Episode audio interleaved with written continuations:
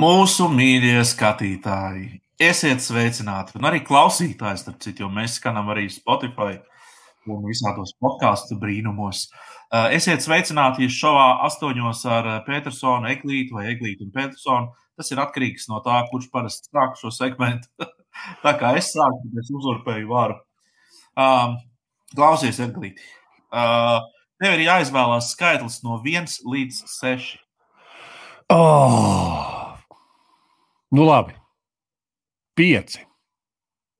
Ok, tā tad um, es tagad atklāšu, ko mēs, kāpēc es tev tādu liku prasīt. Kas tagad man būs jādara piecas reizes? Tāpēc, ka mums bija seši, tāpēc, ka mums bija tieši seši cilvēki, kuri mūsu noteiktajā termiņā atrakstīja ēpastu pagājušajā reizē, kur mēs teicām, nosūtiet savu ēpastu, nu, vienkārši ēpastu subjektajā lodziņā ierakstiet, es skatos. Nu, vienkārši es skatos, lai mēs zinām, ka jūs skatāties. Un tad nu, jūs jau droši vien neko negaidījāt. Domāju, nu, es tik tāpat vien uzrakstīšu. Un seši cilvēki sadūšojās un patiešām uzrakstīja. Un mēs sazināsimies šodien, droši vien, ka nē, bet nu, kādā nākamajā nedēļas sākumā ar Kasparu Arkliņu.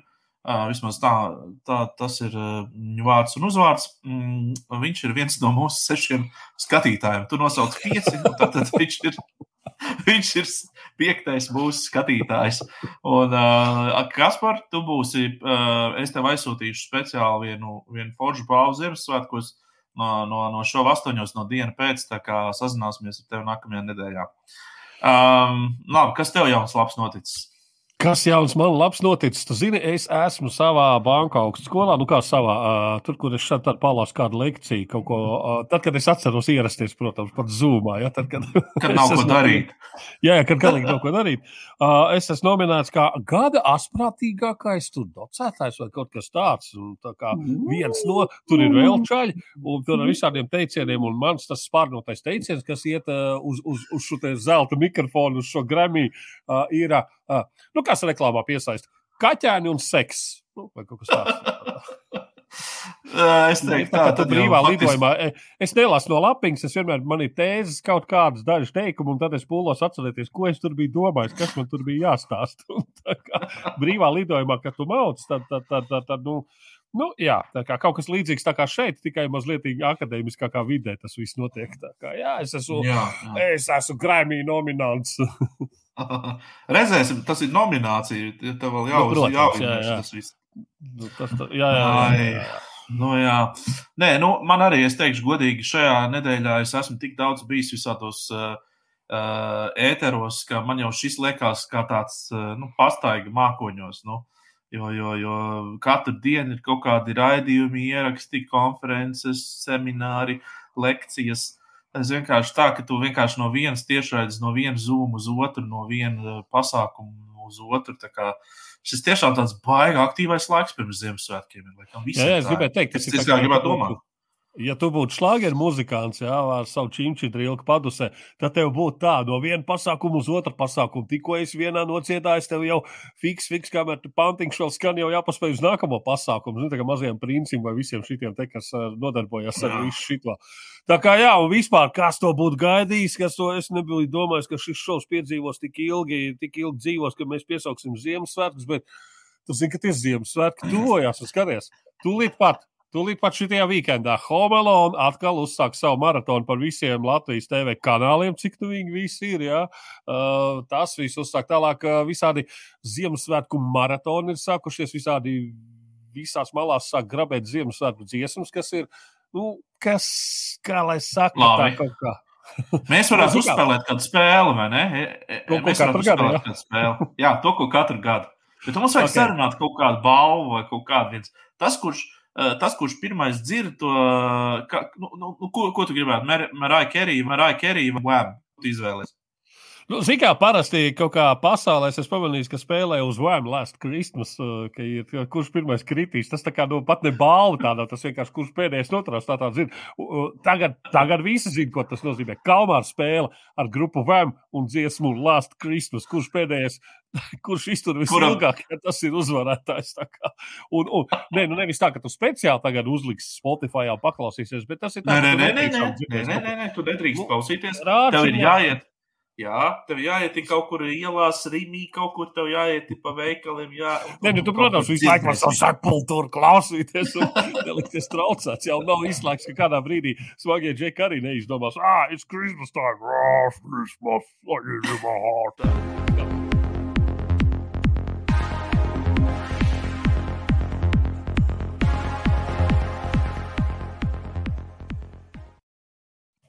Nedēļas lielākais notikums! Oh, jā, jā, jā. Nu, nu, nu, nu kas? Petrāvičā. Petrāvičā rāda pupus, jā. Es tā saprotu. Klausies, es, ka izlasīju, ka Petrāvičs uh, posē klubam, es domāju, tā noteikti ir kāda cita Petrāvičs. Nu, tā nevarētu būt viņa. Jo, nu, nu, klausies, tu sevi esi diskreditējis kā pilnīgi kartupeli ministrs amatā. Oh, ka... kā viņa taču ir tiek pozicionēta, kā, kā daļā, kā ministre, kā, kas, tur, kas tur bija. Nu, viņai taču bija visi tur tie paši izdomātie un pašpiesauktie tituli. Un, Daļā kā un, un, ministrs. un, taču- Nu, jā, Nē, nu, zini, tu ir, ir kaut kur. Es, es ticu, ka vēl joprojām kaut kur dziļos džungļos ir ciltis, kur viņi varētu dēvēt par daļāko ministru. Bet, nu, tā. Zini, kā tas ir tā kā es vienmēr, kad man saka, Krista, tu esi resns, tad es vienmēr rādu to bildi ar to, to melno, melnādaino, to lielo. Ka dažās ciltīs šis tika uzskatīts par bagātības un skaistuma simbols. Jā, kā tas ir, viss ir atkarīgs no kā tu uz to paskaties. Nu, jā, bet klausies, nu, vai tiešām tas ir tas, ko tu vēlēsies redzēt caur, ka tu ministri varbūt ne gluži 20 gadu vecumā puspliku žurnālu glansētu vākos? Ageisms, eglīt, ageisms. À, es Mēs saprotu, vāc- seksisms un eidisms, bet uh, es, es laikam atturēšos, es atturēšos no šiem skatiem. Nu, kā, uh, tas varētu būt kā to, to žurnālu varētu cietumos bibliotekā nolikt un to kā papildus cietumā. soda mēru, kā papildus soda mēru, tu teiksim, ka tu kaut ko Nē, sliktas izdarīsi. tur, tev liek- Izgriezt, tur. Jā, un tad tev pieliek pie traviņš šo te kailbildi kamerā pie sienas, un visu un tu nedrīkst noņemt. Visu tā kā, Zini, kā parasti tur vai, vai, vai tālbraucējiem mašīnā, zini, viņiem tur samantas Fox un kas tik vēl no 80. nekarājās. Tur tajos Es vēl iedomājos, kādu, kādu vēl politiķus mums, teiksim, varētu erotisko žurnālos ir beigusi karjeru Angela Merkel. Viņa varētu pozēt, piemēram, kaut kādā vācu žurnālā. Mhm, mhm, mhm. Tu zini, kā es jau tev, tev pastāstīju nedēļas laikā, kā man gāja. Nu, kā, kā gāja e-pastā, man no tašana izdevniecības pienāk dažas nu, ikmēneši vai kas. Un tur kā viens no lielākajām atlaidēm ir pēkšņi man piedāvā, o, oh, super grāmata, tādas un tādas, kaut kādas Hildeburgas bokas. Labi, nav svarīgi, reku te. Uh, fotografiju, portretu grāmata, Angela Merkel. Angela Merkel visur, visur šitā te. Jā. un, un, un, un, kā, kam kaut kas tāds ir vajadzīgs? Tas ir. Vai tā ir krāsojumā grāmata? Kas tas tāds Nē, nu, portretu grāmata, reku melnbaltu portreti un, un, un, un, un, un, un. Un, principā, kā šķir laptā Merkel? Kā šķir Jā, laptā tikai Merkel. jā? Tikai Merkel. Ok. Tas ir Angels Merkels Viens. portretu grāmata. Jā, tā kā viss. Vai jums? 50 eiro izdevniecība tašana, lūdzu.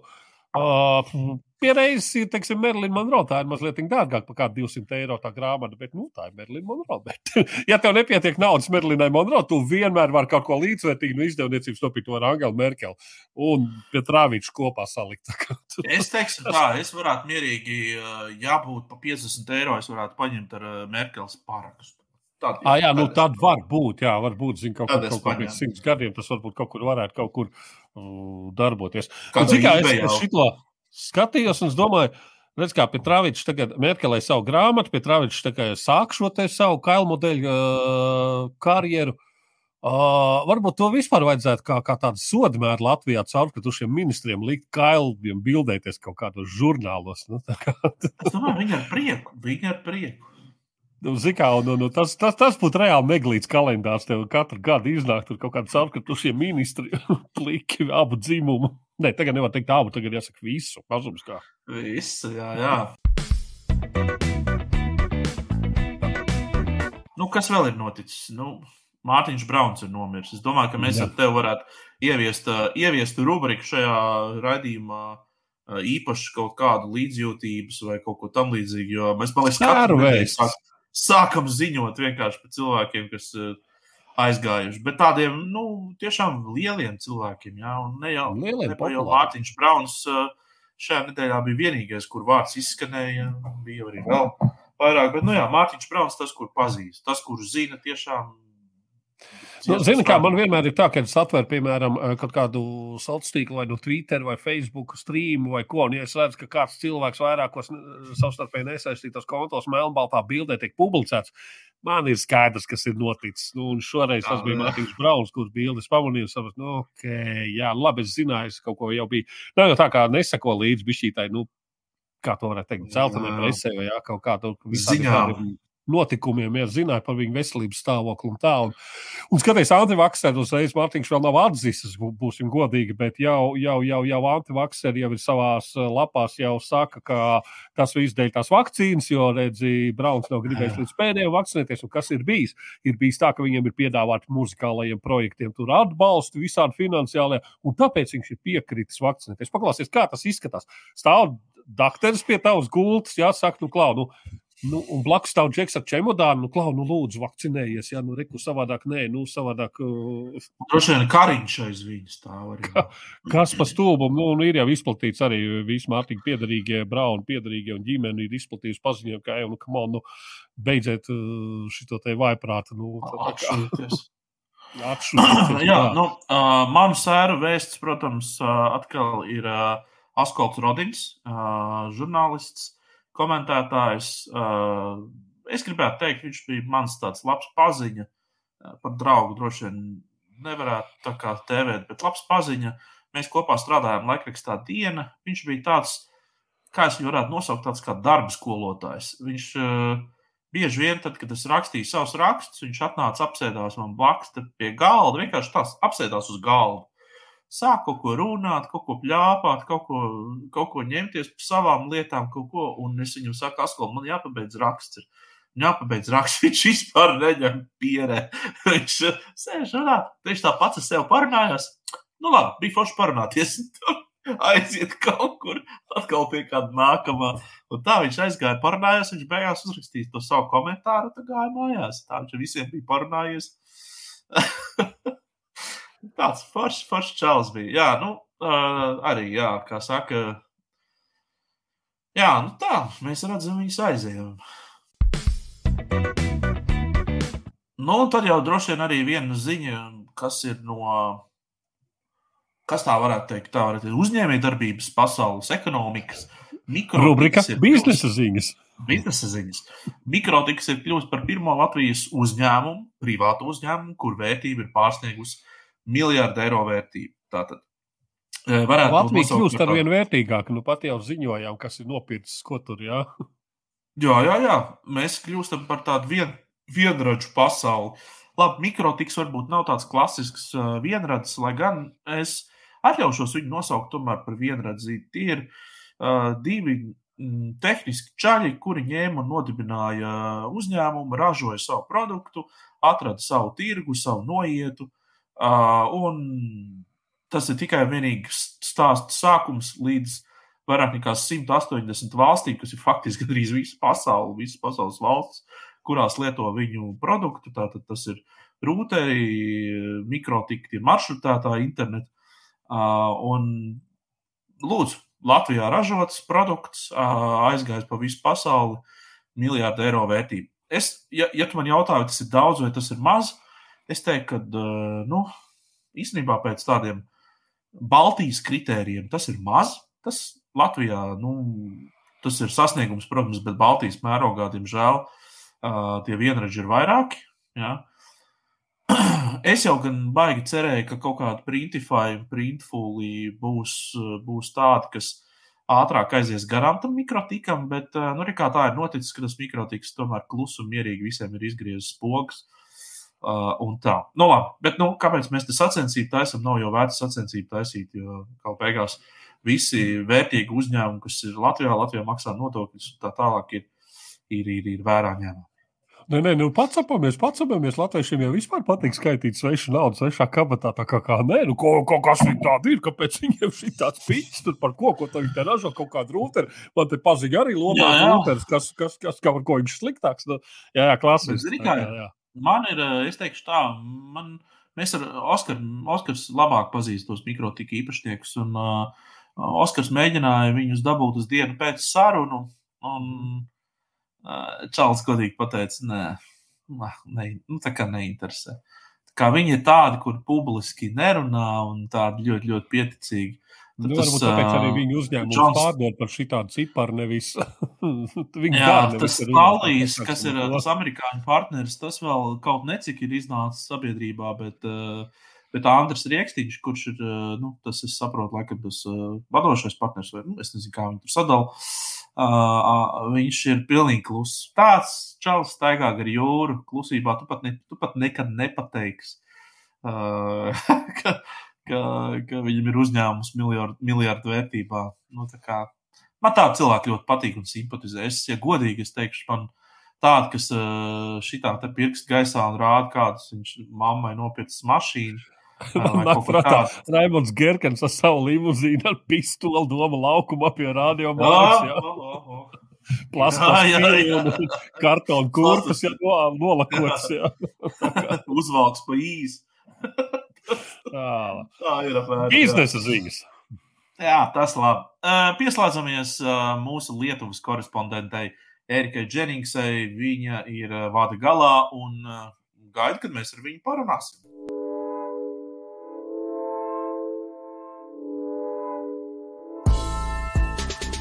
Hi, Miss Jennings. Hi, Miss Hello. Jennings. Hello. See you all.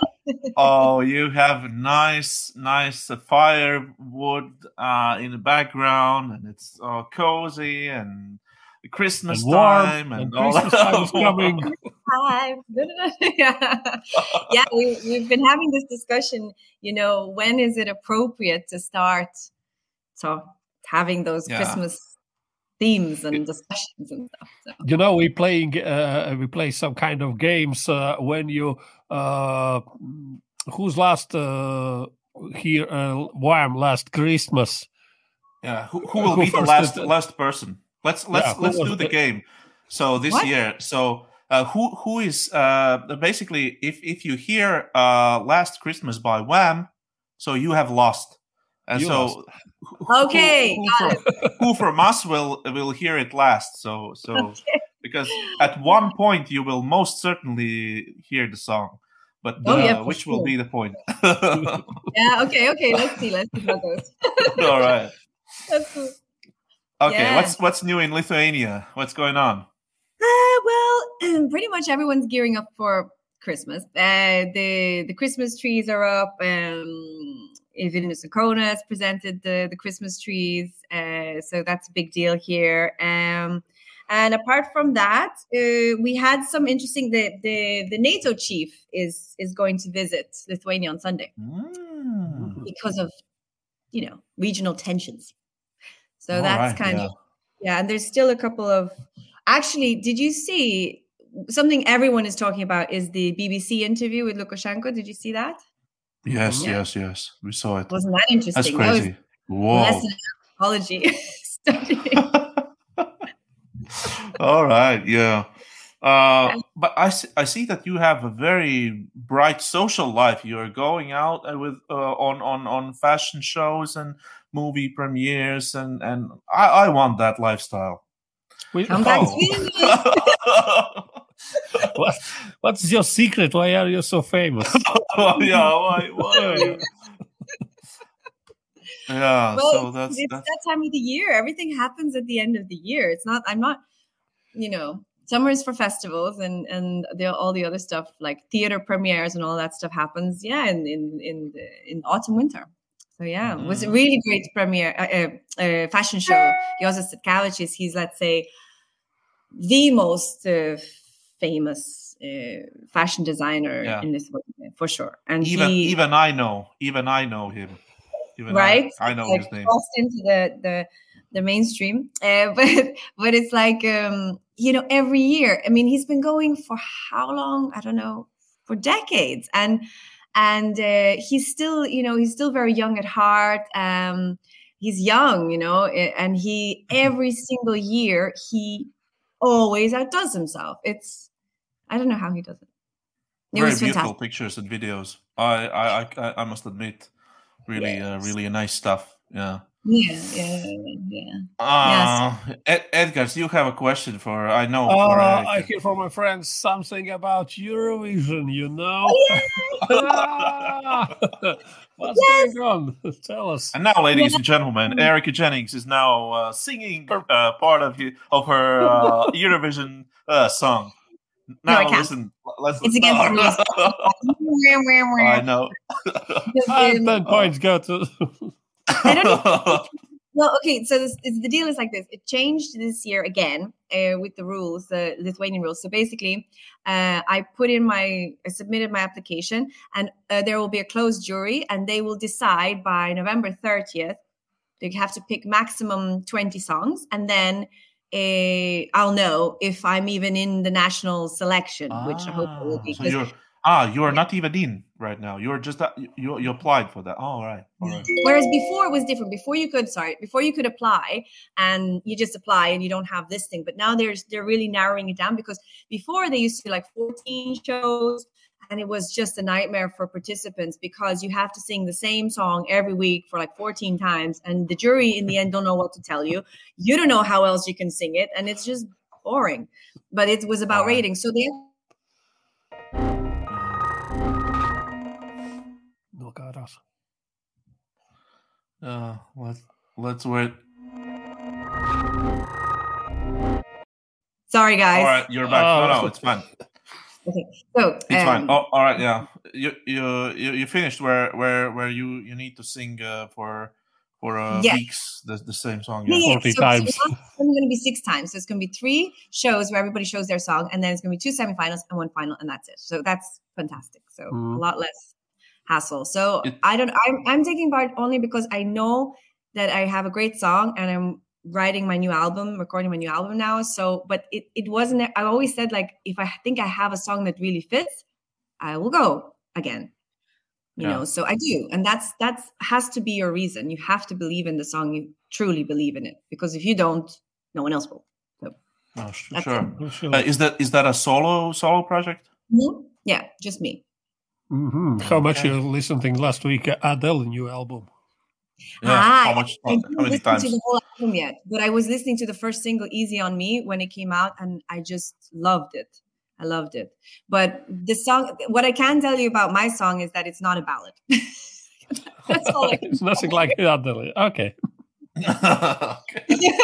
Uh, we uh, we are holding all all our like uh, we, we we're basically we're uh, rooting for you and and and, and, and so that I, I, I would say so we wish you all the luck uh, and, and, and and so Thank but you. anyway if if we want to go to Vilnius or, or or Lithuania is this a good time to go there and is this a good time to I'm to I don't know uh, pre Christmas uh, uh, Is it good, weekend uh, in for us? Vilnius at this moment yeah Uh, actually, I would say the best one is to go like next weekend. December 4th is a perfect weekend to go because the Christmas, the famous Christmas market bazaar, which happens in the town hall, which is a huge international event.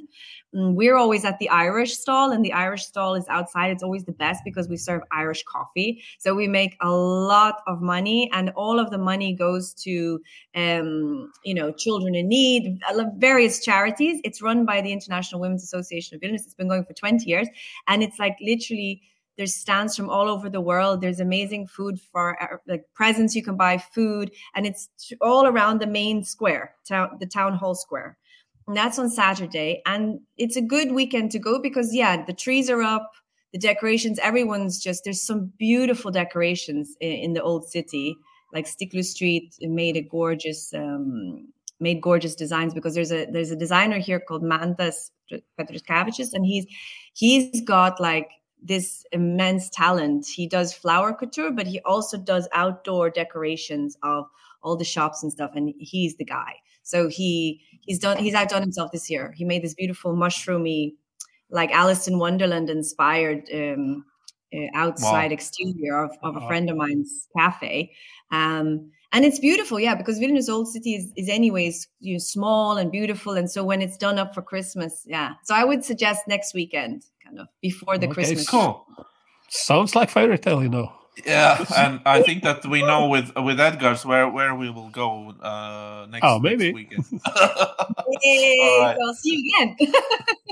yeah, perfect, Erica. I, I know that you you are in uh, you are in rush. You need to go to the next movie premiere to, tonight. So so. I'm going to uh, see Father Son House of Gucci. You know, oh, Oh. yeah, that movie. going see the first So, movie. do you have any expectations or something like that? What what I'm you heard really about that? I'm very excited because uh, from what I've seen, because it's- it's Adam, you know. I know because it's Adam. Yeah. we're so in love with Adam Driver, yes. But since Kylo Ren, since he, since Star Wars, like come on. Mm. But um, yeah, and and Lady Gaga, I think she's a really talented actress, actually. So and Al Pacino's in it. I mean, one of the best as well. And Salma Hayek, like the cast is is pretty amazing, actually. So I'm really looking forward to seeing that. All Yeah. right. Next next time we'll we'll catch on this. Ca- catch up on this one. All right. Yep. Thank you, Erica. Have a great Well, night. thank you, Erica. Thank you. Bye. Bye.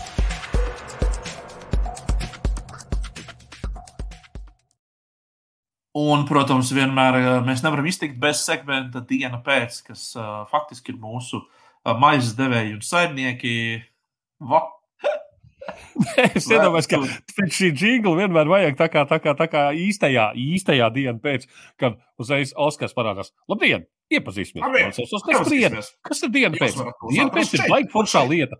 Diena pēc ir gaiša lieta, ne tumša lieta, kas gaiši spīd. Neviens nezina, kas tas ir. Visi skatās, visi klausās. Inteliģents saturs. Parakstieties! pēc, diena pēc LV, rakstiet mums vēstuli, un vēl, starp citu, jūs varat mūs atrast YouTube. YouTube uh, pēc nospiediet subscribe podziņu, nospiediet zvaniņu. Apsolam, mēs jūs lieki netraucēsim. Jā, diena pēc ir uh, inteliģents sarunas ar Latvijas viedokļu līderiem. Uh, aicinu jūs patiešām uh, YouTube, es parādīšu vēlreiz, rekušēt YouTube dienu pēc uh, slīpsvītra. Ja? Jūs varat, uh, jūs varat um, piesakot, un īstenībā tiešām iesaku to izdarīt, jo tāpēc, ka starp noteikti visām tām daudzajām sarunām, kas tiek publicētas, uh, jūs atradīsiet kādu sevi interesējošu, un noteikti jūs atradīsiet kādu sevi interesējošu sarunu arhīvā, jo tur mums ir šobrīd vairāk nekā 200 dažādas sarunas. Tātad, Jūs Jūs varat-. Mēs sakām, vairāk nekā 200. Tā kā vienreiz vajadzēs savākties un izskaidrot, cik tur ir. nē, ir, ir, ir vairāk nekā 200, jā, jā, es jau tagad zinu. To var apskatīties Basfīdā, starp citu, var redzēt to Nu jā. ciparu. Uh, vēl, uh, ko es gribēju, es gribu aicināt uh, tos, kuriem interesē tāda plašāka saruna, jo uh, diena pēc, protams, mēs montējam, izgriežam ārā kaut kādas tur varbūt tādas vietas, kas, kas, kas īsti neiedarās tur vai tajā segmentā vai kā tam līdzīgi, un tad līdz ar to tā saruna ir īsāka, koncentrētāka, saspiestāka. Bet tādu pilnu sarunu mēs publicējam Patreonā. Tie, kas zina, kas ir Patreon, tad uh, jūs varat aiziet patreon.com, slīpsvītra diena pēc uh, un uh, atbalstīt, mūs, uh, atbalstīt mūsu centienus un, kā saka, atbalstīt inteliģentu saturu internetā. Labi, nākamajā nedēļā. Nākamajā nedēļā mums pirmdien būs saruna ar SEB bankas prezidenti uh, Ievu Teteri. Un, uh, kas ir interesanti, uh, jūs varētu domāt, ka viņi runās par kaut kādām finanšu lietām, ka viņi runās par kaut kādu biznesu vai ekonomiku, kaut ko tam līdzīgu.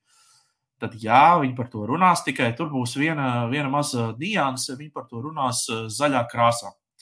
Un, uh, Kā tas ir? uh, Tas ir diena pēc vide, mūsu sadaļa, kurā autors Mārcis Simonovičs no Eko Baltijas iztaujās Ievu Teteri par vides un zaļā kursa jautājumiem. Tāpēc, ka bankām, kas ir interesants, nezinu, vai tu to zināji vai nezināji, vai skatītāji arī to zina, bet bankām drīz būs tāda regulē, regulācija, kad viņi nevarēs dot tā vairs kredītus pa labi, pa kreisi, kā viņi tagad dara. Viņus, viņi vērtēs uzņēmumus arī pēc tā, cik uzņēmums ir zaļi domājuši. Proti, ja tev tur būs kaut kāds tāds, ka tu nevarēsi ieķeksēties visos laukos, nu, tur, tad viņi tev var arī, nu, nevis var, bet viņiem ir jāatsaka tev kredīts. Tas nozīmē, ka tev kā uzņēmumam, kurš nāk pieteikties bankā kre, pēc kredīta, ja būs jāizpilda kaut kādas šīs te ilgspējas vai zaļās, zaļās domāšanas kritērija. Mhm. Tādā veidā Eiropa piespiež uh, gan uzņēmējus, gan cilvēkus uh, domāt šajā zaļajā virzienā. Viņi par to, starp citu, runās. Tur būs interesanti saruna. Aicinu visus, uh, kā saka, pirmdien ieslēgt paskatīties. Why crucify? Obsession. Kas tad tev uznācis? À, es uh, vienmēr, kad, kad iedomājos par mūsu šīs dienas viesu, es viņu, nu, pat cik es neesmu lasījis to milzīgo grāmatu, kas ir tavā grāmatplauktā, tādā biezumā, godu vārds tādā jā, jā. Es vairāk atceros viņu no 90. gadiem, no Army of Flowers, tāda joku grupa. Nu, tāds Jā. diezgan provokatīvs dziesmīgs dziedāja. Nu, tur viss tur tā seks vien grozījās. Tā kā, tu, nu, labi, jā, visādi citādi Aleksandrs Bārts. Tas ir tas Jā, par ko tagad runāju. Aleksandrs Bārts, starp citu, no pirmo reizi pie mums ciemos. Uh, mums bija tas prieks un gods viņu aicināt, tad, kad šovs astoņos sākās. Uh, kaut kur pašā, pašā sākumā. Līdzīgi kā, kā mēs varētu teikt, ka mums tādi draugi ir. Uh, Dons ir mūsu draugs, un Aleksandrs Bārts ir mūsu draugs. Jā, tā kā tie ir tādi šova draugi. Un uh, jāsaka, jā, pa, uh, paldies Aleksandram, kurš piekrīt uz gada beigām uh, arī veltīt mazliet savu laiku. Uh, Eds papildināšu Edgars. Tātad uh, viņš nav tikai armijas flavors uh, mūziķis un tā. Uh, Pēc tam viņš attīstīja karjeru akadēmiskajā jomā. Viņš ir, starp citu, ekonomikas, man šķiet, ekonomikas doktors. Uh, viņš ir uh, lektors, uh, viņš ir futurologs, viņš ir principā uh, izbūries cauri nereāli daudz visādām literatūrām, ieskaitot islāmu, tur uh, rakstus un, un ko tik vēl ne. Var sakot, viņš ļoti daudz zina par reliģijām, ļoti daudz zina par politiku, ekonomiku. Un tas, kas man patīk vislabāk, viņš to visu mākslā forši savienot kopā. Es uzreiz teikšu tā, kā ir. Uh, Aleksandrs nav gluži tāds ērts uh, sarunu biedrs, tāpēc ka mūsu viedokļi nav gluži tā, ka mēs varētu tā teikt, tā, viņš ir mūsu tāds viedokļu paudējs. Un tā, viņš, protams, ka, uh, saprot arī antivakserus. Uh, viņš, uh, nu, kā saka, ir, ir par kaut kādām lietām, kuras mēs varbūt vēl neizprotam, bet tāpēc mēs viņu esam aicinājuši. Un es domāju, uh, nav ko vēl garum, garumā skatāmies.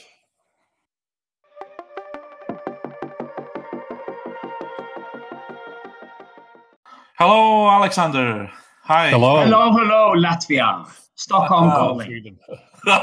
Stockholm. How many points are you giving us? Oh, 12. like they All always points get in the 12 world. points for me. All Dupois. the points. Yeah. Dupois, yeah. So, uh, how are things in uh, Sweden, in Stockholm? It's fall. Uh, I'm not going to Bali this winter. I'm going to go to Tenerife and the Canary Islands instead because traveling inside the European Union is fine. Traveling in the rest of the world is still because of COVID 19 is a mess. You know, and I'm I'm not going to go to the tropics this winter to wear mouth ties. You know, Hmm. I refuse to do that. You know, All Sweden's right. been very open all along. How's Latvia been? Nobody Oh. cared about nobody cared about restrictions in Sweden at all. We never went into lockdown. We went in two lockdowns, basically.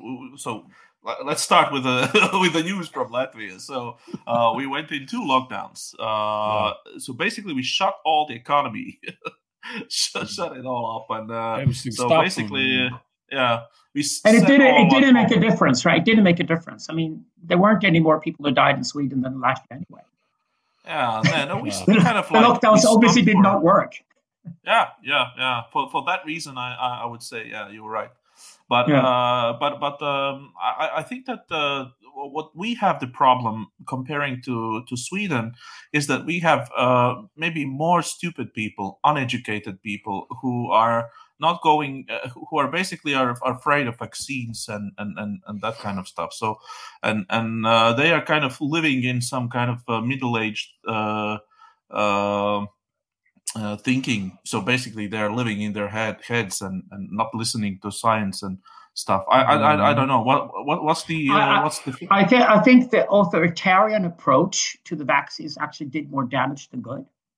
I think it wasn't very inviting to take the vaccines. Obviously, I did. I had COVID nineteen twice. Both before I took the vaccines and afterwards. Uh, I think the authoritarian approach uh, actually pissed off so many people that actually said that, well, even if I get sick, even if I die, I would rather keep my freedom than take the vaccines under these circumstances. And I, I think the, the, the very authoritarian approach and the fact that we introduced a police state across Europe now without much criticism speaks volumes. And I understand why people are angry. I took the vaccines. Most of my friends took the vaccines. They didn't care less. But I, I think this, this whole idea of imposing the vaccines on people, when in reality, vaccines help, but they don't prevent. Mm-hmm. Uh, uh, they don't prevent the disease from spreading anyway. Uh, I even got it myself after two vaccinations. I got the Delta virus anyway. Obviously, I was less sick than I would have been without the vaccines. But the fact we have to take the shots every year for the foreseeable future, and you know these companies who develop the vaccines, the biotech companies, are going to make billions of dollars out of it. And there's very little critique and very little debate about this new state we're in, this new sort of existential state we're in, where the police state suddenly exploded across Europe and North America. I think that's dead serious. It's even more serious than not taking or taking the vaccines. And I think it speaks volumes that so many people are just using their own bodies and says that, well, fuck you. Hey, I'm not going to die from it. I might get the disease, but if I get the disease, that's my way of boosting my immune system. I refuse to take the vaccine. And I think it speaks volumes in countries like Bulgaria and Ukraine, where nobody trusts authorities. Yeah. Nobody trusts. Yeah. That's exactly what those countries have the most unvaccinated people the less you trust the authorities in your country, the more likely you are to be vaccinated. And in this sense, uh, I think we have to take the freedom aspect into the our debate, not to talk about taxes and talk about people being stupid. Because there's also a certain stupidity about people who just go along and take the vaccines without understanding that actually they're sacrificing their own freedom. We mm, don't know the long term consequences yet. I can tell you one thing for sure that I'm interested in because nobody wore the mouth diapers in Sweden. And Sweden does not have a fourth wave. We have nobody dying from COVID 19 at all in Sweden any longer because we actually walked around without wearing the diapers on our mouths. So probably we did get a you know the virus was probably jumping around a lot more in Sweden in a milder version than it did anywhere else. I'd be interested to see if these countries who went into lockdown will have more of a problem than those who refuse to go because the lockdowns so, the lockdowns did not create the environment where actually the virus can slow sort of walk around in society and, and develop into softer versions as well, which ultimately is what will save us. If there are softer versions of COVID 19 that spread faster, but actually make you a lot less sick, that's the end of the problem. The problem is going to be with us until that happens. So it becomes like a regular cold or something like that. And that's way more likely in, in cultures where actually the virus is allowed to spread without everybody alarming about it and, going on about it, but rather it's allowed to spread and you're less scared of people getting killed more than necessary. yeah. There are there are um, a few people who uh, have uh, come to me and asked me a very strange question, Kristaps. Uh, do you know for for which party I should vote in the next election? We have an election, uh, parliament election next year, so it's basically after after a year, and and the, the problem is that there are uh, a lot of uh, stupidity on the left wing, a lot of stupidity in, on the right wing, and basically there's As nothing usual. just As just usual. just yes. anarchy, anarchy yeah, left. Anarchy, yeah. so so uh, what what uh, so this might be come to you as a very strange question but uh, what is the most optimal political ideology these days uh, with the, with the most common sense? Do, do you can you okay there are, there are two honorable ways of thinking about voting in an election. Uh, the first thing is that take care of yourself and your family. So who represents you and your family your own interests? That's an okay position to take. You must respect that the other one, if you're more noble, if you can afford it, is to say that what will be good for my country in 50 years' time? Could be mm-hmm. tough enough to make the right decisions now that have a dramatic effect on the society building 50 years from now, rather than just over the next three or four years. Rather, who dares to just be voted for, elected for the next three or four years, and can still make decisions during that time period that actually have an effect on our society? For example, people who said, oh, we're going to invest in infrastructure. It doesn't mean you're going to vote for me the next election. And I still think it's the right thing to do is to invest, invest in infrastructure, which is always a long-term investment. So the politicians who dare to speak about long-term investments in people and in society are worth voting for. Then the third option you must consider if you don't like any of the alternatives, you must be a candidate. Yeah. That, that's well, democracy, right? If you, well, you can't go on and bitch and say that I hate those candidates from the left, I hate the candidates from the right, I refuse to vote it for any of them. It's just like, well, then why are you not a candidate yourself? You're so much so much smarter than they are, right? That's that's the decision. Yeah. Yeah. And what about what about climate change? What about climate change oh, and all God, those big I topics? you know what? You know what? Uh, yeah, climate change is happening. You know what? It always happened. You know what's great with climate change is forces lazy people to get up their butts and move. Uh-huh. So you know, I think I think uh, since the Russians are dying from alcoholism in droves, I think we should give Siberia to Bangladesh. I think Siberia should become a Bangladeshi colony and keep the Chinese out. Otherwise, they'll invade. Right? And then the Bangladeshis can spread like wildfire across Siberia, and finally Siberia can get populated and become great farmland because of climate change. Okay? Listen, we don't know how the climate is going to change the planet. We just know it's going to change the planet. The last thing I heard was that the Sahara is actually shrinking, but you're not getting that in the news feeds at all because it's actually raining more and the planet is becoming greener because there's more carbon dioxide in the atmosphere. So there will be changes, yes. The changes will be costly, but the changes due to climate, the climate change, are nothing compared to the cost we would have if you had the next the third world war, right? So compare the cost that was caused by the two world wars. This is nothing. This is nothing. Climate change costs us nothing compared to the, the first and second world war when it comes to the overall human cost. But I think I think I'm doing exodology now as a philosopher. Basically, I'm doing I'm doing why are the winners always the migrants of history? Why is it always the people who get off their fat asses and start moving who win?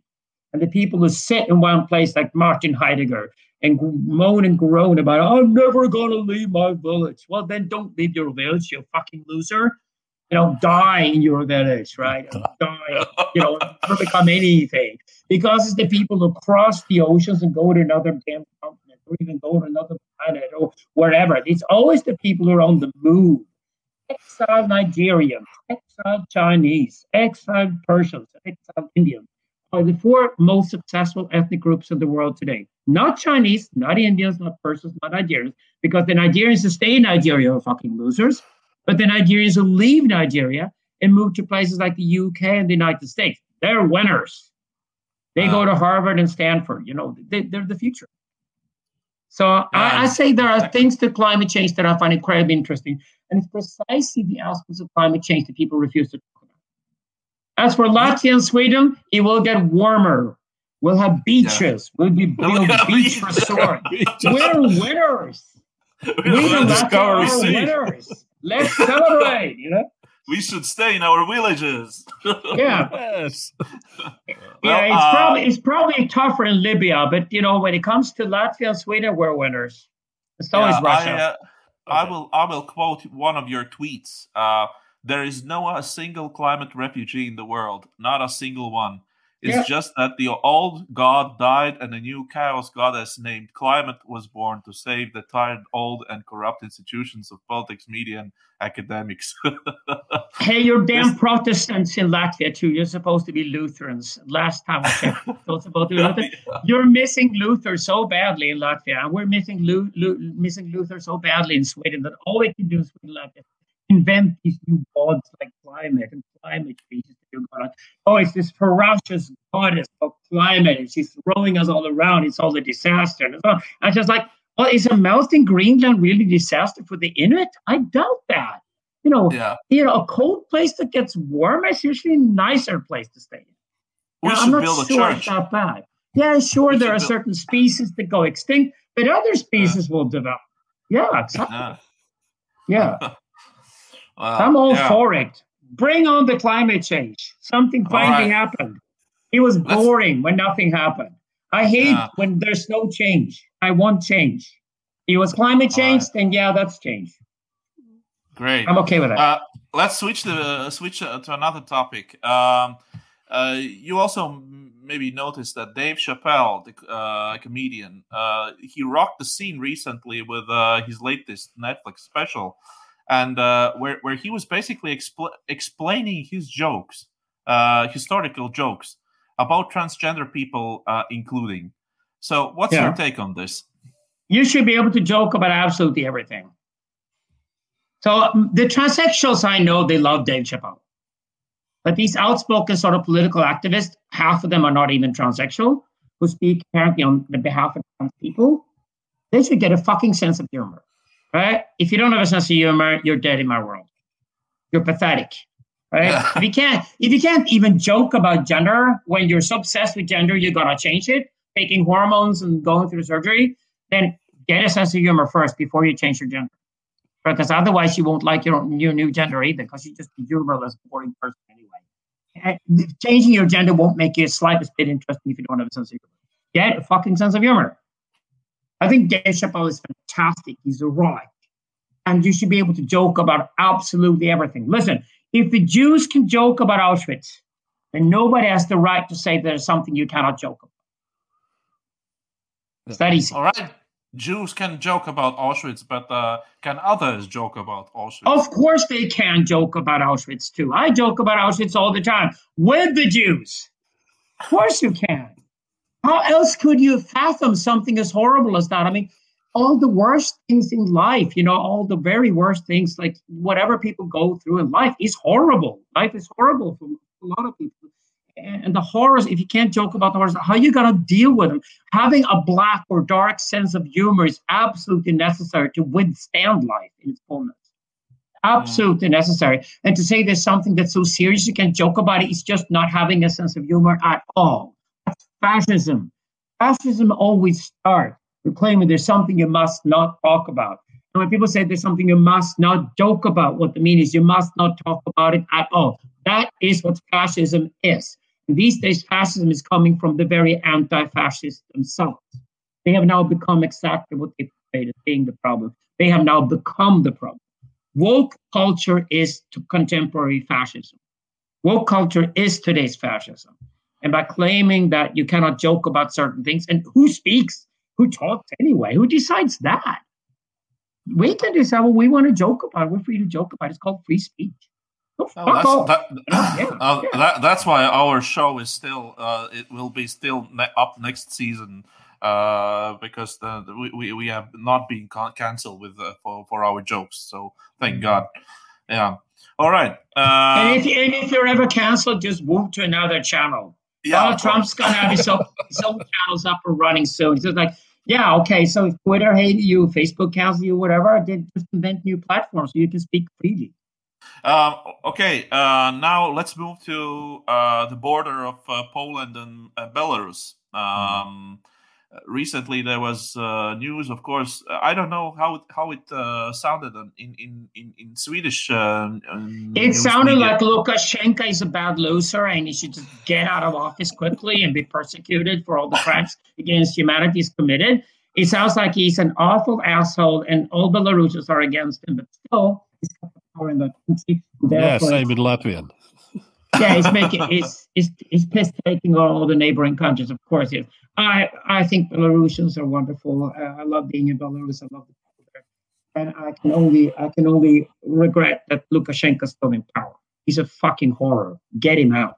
Just like, mm, yeah. get rid of him. A guy, uh, a guy who's so afraid of having a camera shot from the back of his head because he's losing his fucking hair. That's a bad leader right there. He has no sense of humor. This so any tricks that we got out there, get rid of Lukashenko, and liberate Belarus.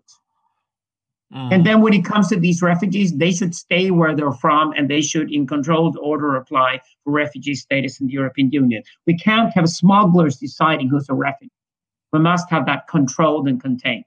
We must have the Absolutely. refugees being able to apply for refugee status in the European Union, not by forcing themselves into the European Union, because then the smugglers are taken over and then the smugglers control our own societies. And that's completely unacceptable.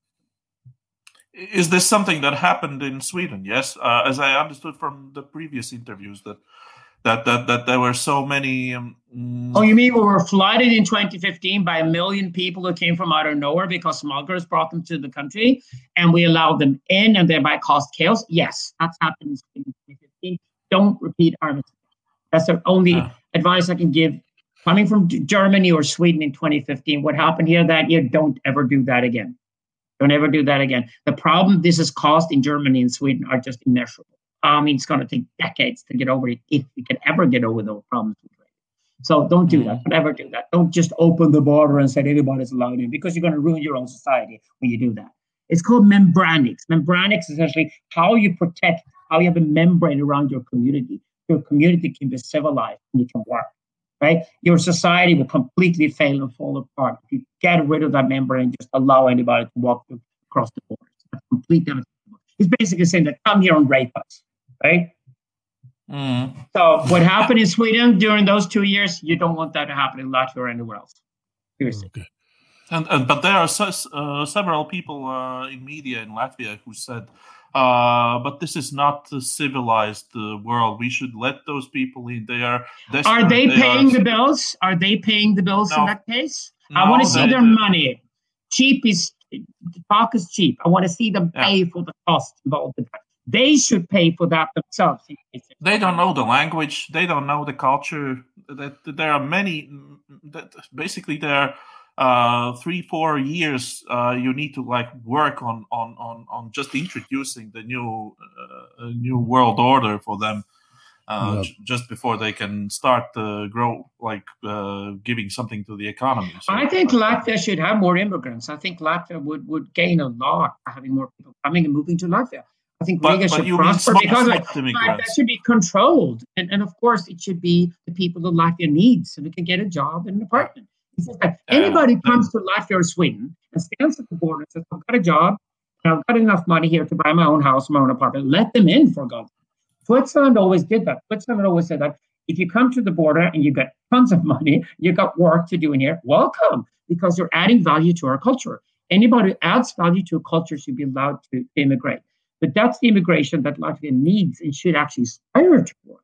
Latvia and Sweden both need to be more attractive for immigration, but for the right immigrants, not for the people who are the most desperate and where it will take generations for them to get adjusted to the culture. That's a very, very different Two totally different things. Um, all right. Let's switch to en- entertainment. Edgars, I know that you have a question of the uh, of the century. Yeah, yeah. So the question essentially, last time we meet, you were uh, really angry about all the people in the music, and now I want to hear your opinion about Big Return. You know what I talk about? ABBA he's back after 40 years. No one asked for it. God. What your opinion about The it? zombies are back, yeah. Uh, yeah, it, they sound like they did 30 years ago and took all the songs that didn't qualify for the last record and put them out now. It's okay. Yep. Cynical move, maybe, but they're going to make billions of dollars out of that move. So, Uh, Wow. Crap. Yeah. I'm glad they're all four still alive. You know, that's more than we expected. They're But all about down. these uh, about these shows, you know, i i if, to me it sounds like uh, just a press a button and uh, all the holograms, uh, everything is happened. On this Well, show. they were terrible on stage when they were on stage in the 1970s. They couldn't dance or anything. They just moved around like very stiff and all that. They weren't smooth. You weren't Michael Jackson. They weren't. Yeah. ABBA was always so I think it's quite easy. I mean, if, if you would put four sex dolls on a stage and pretend they're a band, ABBA would be the ideal band because they were so fucking terrible and ugly to begin with. and why not start with ABBA? I think Ace of Base are next. they were also horrible on stage. You know, Uh, had great songs for horrible on stage. I think Ace of Base on it after ABBA. They, they should they should do the same thing. Nobody will tell the difference right away. But any robot can perform like ABBA.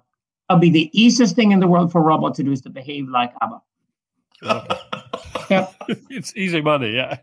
I'm glad. Yeah, I'm glad people can be entertained by it. You know, it's just like, felt like it's the, big- felt like it's the greatest show on earth. That's not expected. But Some are people right. are entertained by anything. If, if something just moves slightly, they find it entertaining. That- That's what Yeah. they are when they're on stage. But, But the songs but are great. completely, completely right about the, their sound. Uh, I, I Yeah. listened to them and I, I, I just I, I couldn't I, I couldn't right like like separate the today's sound from the one in 80s. So it's It, like it way what on you say. almost sounds. It almost sounds older than it sounded at the time. it's like you take a 1982 ABBA record. and Listen, it sounds fresher than the 2021 record. I don't know how they did that. I mean, supposedly they, they were they wanted to make a record out of the fact that they built what would in 1983, I guess. But actually, the funny thing is, the 2021 record sounds older than the 1982 record. Weirdly enough. Mm. So yeah, there you go. What's what's on your playlist? My place is just full of electronica and weird electronic stuff. Uh, so Electronic I don't, I don't, I don't listen to voices any longer. I'm, I have enough of humanity. I, I live, I suffer from social phobia. I, I just want to hear instrumental music, and that's all I want to hear in the background, or else just quiet, silence. All There's right. nothing wrong with silence. Yeah. Uh, yeah.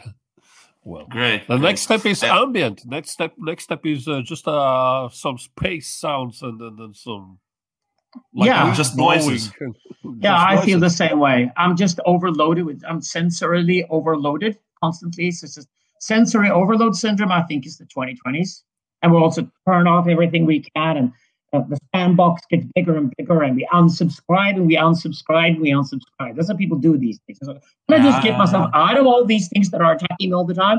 It's, it's like this total sensory overload. Want to get out, and that's exactly why you want to listen to ambient music. because No voices, nothing in there. Just nothing happens. Just goes Yeah. on for hours. That's fine.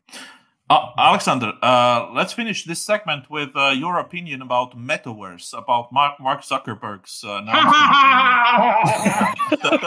What's so funny? What's funny about it? Does So this is your anybody topic. seri- Does anybody take the next company seriously? Come on, Zuckerberg has been he's been Satan for the past years, right? He's fucked brains of every damn child on the planet. He's turned uh, teenage girls into Instagram addiction. He employed thousands of psychologists to turn anybody who's Facebook into an addict. We're all leaving Facebook in droves. We're leaving Instagram. We're leaving what? What on hell does he think is going to happen with Meta? I mean, whatever you do, if you're going to put those big fucking things on your head and entertain yourself as a the metaverse, the last thing you're going to do is to go to Mark Zuckerberg to find entertainment. That's the last thing that's going to happen. Now, I think it's doomed. I think Zuckerberg must resign. I think the company de- needs a big overhaul if it's going to survive at all. I think him stepping into the metaverse realm is just doomed to fail. He's just doomed to fail. Now, I do not believe in Facebook at all. I think the company's rubbish. And uh, we need better new tech companies. To be honest about it, we need to get out of Silicon Valley. We need to invent new platforms, new companies. The thing is, you can start a tech company anywhere in the world today. You can build new algorithms. You can do new search engines. We all know how to do it these days. We can just do better than Silicon Valley did, especially better than Facebook. So Meta to me is a joke. I'm glad that boring prefix finally became a corporate name because no Americans can talk about Meta anything any longer because we just start laughing we hear the word. So Zuckerberg bought Meta, the prefix turned it into his new company. It, it's a Facebook overhaul, and at the end of the day, I think Facebook was much better than Meta. I think Meta is just going to ruin him. Uh, it's doomed. I don't believe in this All right. idea at all. Yeah. So Yeah. should should we unsubscribe from uh, from Facebook? What what do you think? I think most people have in the sense that we're not there any longer. You maybe use Messenger or something like that. At the end of the day, even Telegram is better. Signal probably wins that war. We all have our favorite chat channels these days, and it's not anything that Facebook owns any longer. We just want to. Mm.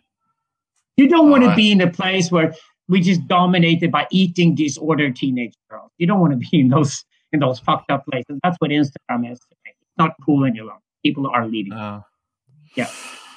Great. Any plans to come to Riga uh, any anytime soon? I would love to. I would love to. Oh. The party monster in me has been awakened. So, with climate change happening and w- weather getting warmer in Latvia and Sweden, I'd be glad to take the ferry over to Latvia and get really drunk, get off the boat, and party hard. Me and Oh. me and Edgar's we I'm are inviting open to you basically. invitation. Next, yeah, yeah, I'm open. we are we are inviting you next uh, next spring summer uh, to uh, when the festival season will open and everything. Uh, Hope so. Please come, come Yeah, and join. I, I have join I us. have the I have speaking invitations for Latvia and Lithuania in the early fall. I think this will Great. And, uh, Perfect, perfect. conferences and people are going to fly more than ever and travel more than ever and you know that's what's going to happen covid-19 is going to be dead and over a year from now. And we we just kind of sit and wonder what the fuck did we do for why did we stop living? Let's live again. Let's bring our soul back to life you know? Uh, Yeah. all right. Thank you very much, Alexander. Well, for your thank time. you. That was thank you so much. Riga rocks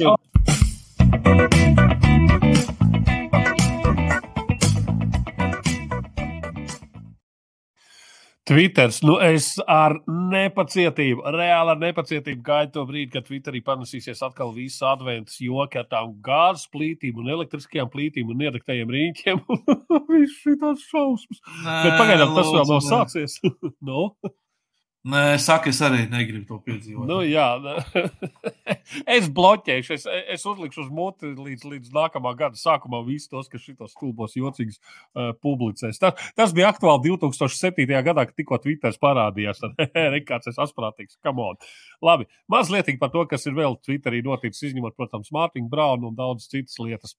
Edgars Agīnskis saka, pierakstījos Covid stūtas vakcīnai un uzreiz tik daudz jautājumu. Galvenais, ja antivakcēri vakcinētajiem paredzējuši drošu nāvi divus gadus pēc vakcinācijas fakta, eh, tā kā šajā vienādojumā, eh, ko tad, ko šajā vienādojumā maina trešā vakcīna? Saīsina dzīvi vēl par pusgadu vai pārstartē divu gadu termiņu? Jautājums atbildiet, ir, taču apjukušajiem, atbildiet apjukušajiem. Atbildiet kolēģim, ko, ko, kas un kā.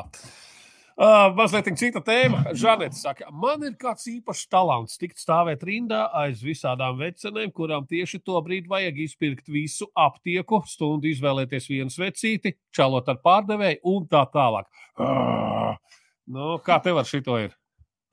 Nā, es uz veikalu nē. Ah, tu esi neej uz veikalu, tev viss pievērt klāt. Nu, Ok, labi, tas varētu būt. Bet tu vari palūgt, lai tev atver kādu to vecenu, kas uz tevis tur pašu pārspēlē. Lai atnāk parūts man pie Zikā, un izrādās, tas ir tāds kopīga, tāda kopīga tautas sāpes. Jo skaties, kas notiek. Ulrichs Ziedņš saka, viens no iemesliem, kāpēc novecot, ir būs cool. Iedomājieties, kādu baudu pati kādreiz apspriedīs aptiekā kartupeļu cenas vai mocartu, ar acu kaktiņu šķelmīgi vērojot nervozās klientes rindā aiz sevis. Lai pagaida meitenes, lai šis ir mans laiks, es nekur nesteidzos. Turpretī Strauss saka, ka tīzlākais ir trāpīt rindā kaut kādā kioskā, kad tu steidzies, un tev priekšā stāv 70 plus kundze, kurai brīlis ir mājās, bankas karte ir dēlam Anglijā, un viņi skaita centiņus, lai nopirktu televīzijas programmu krieviski. Desmit reizes pārjautā, cik maksā, un gal beigās iedod visu naudu, lai skaita kasieri. Nu, tā. Uh, nu, ko mēs smējamies par veciem cilvēkiem? Nu, kāpēc? Nu... Bet, tu zini, man arī ļoti bieži, man, me, es, es kādreiz būšu, es kā kādreiz pabeigsīšu visus pārējos, bet man arī gadās, un tieši tas, tas kad, kad tu steidzies, tu domā, ah, nu, fiks kaut kādu minerālu pūdeles paķeršu, un viss būs kārtībā pie kas. Nē, nezinu, no kurienes izlaukt tantuks ar piekrāmētiem ratiem, un, ok, tas savu, ka tu nemaz tik ļoti to minerālīt negribi. Labi, laižam tālāk. Dīdzis saka, man savukārt reāli besīja visa vecuma sievietes, kas stāvot rindā un nonākot pie kases tajā mirklī, kad ir jāmaksā, sāk ilgi un drudžaini meklēt savu maku vai karti somā, kur ir viss, sākot no lūpu krāsas un nagu vīles, beidzot ar zāles pļāvēju. Laicīgi to nevar izdarīt. Jā, piekrītu, Dīdzi. Gārda saka, pirms manis parasti beidzas čeku lēna. šitas, šitas ir piedzīvots. Jā. šitas man šķiet ir pilnīgi visiem, par ko Kristīna Rauka saka, veikala kasēs pirms manas apkalpošanas parasti ir inkasācija vai čeku lēnas maiņa. Tā kā, jā, un, un viss tā tā punktu pieliek Eva Johansson, saka, man šķiet, ka tikai man tā ir. Nē, dāmas, jūs nesat vienīgās. Man liekas, tā ir pilnīgi visiem. Es nezinu, kāpēc, bet tā ir visiem. Nu, visiem mums ir kaut kāds čeku lentes un inkasācijas lāsts uzlikts. Tu atkal ar savu minerālu ūdeni pieskrien un ātrā, un tieši tajā brīdī tiek kas skaitīts stāv blakus veikala apsardzes, tas liels un svarīgs. Bija šitais. nu, labi. Un noslēgumā Liela Emīls. Es pārāk skaļi sasmējos pie KFC pašapkalpošanās aparāta kas, un tad iemā ielīta bildīte, tur ir, tur ir attēlots ēdiens, kas saucās Twister, un tas ir domāts tā kā spicy, vai ne? Latviski ir iztulkots kā as, bet Twister, protams, nav iztulkots, un tad sanāk Twister as. Ah, ok. Es arī šito būtu nobildējies, kādreiz apmeklēt kaut ko tik šausmīgu kā KFC ēst. Iedomājieties, kā, iedomājies, kā tas ir ārzemniekam, ka viņš iet iekšā, kā, kā viņš ir pieredzējis pie šī servisa. Un viņš tādā iet pāri ar acīm. Viņš apstājās pie Twister ass. Twister ass. Mm. Nu, ja viņš ir pilsētā ar nosaukumu Ogre, tad viņš jau ir. Tad viņš ne par ko vairs nebrīnās. Un tad viņš uztaisīs divas bildes. Es esmu ogrē un ēdu Twister ass. Twister ass. Jā, biju Latvijā. Punkts. Biju Latvijā. Ok. That's about Twitter. Šī to nedēļa. All right.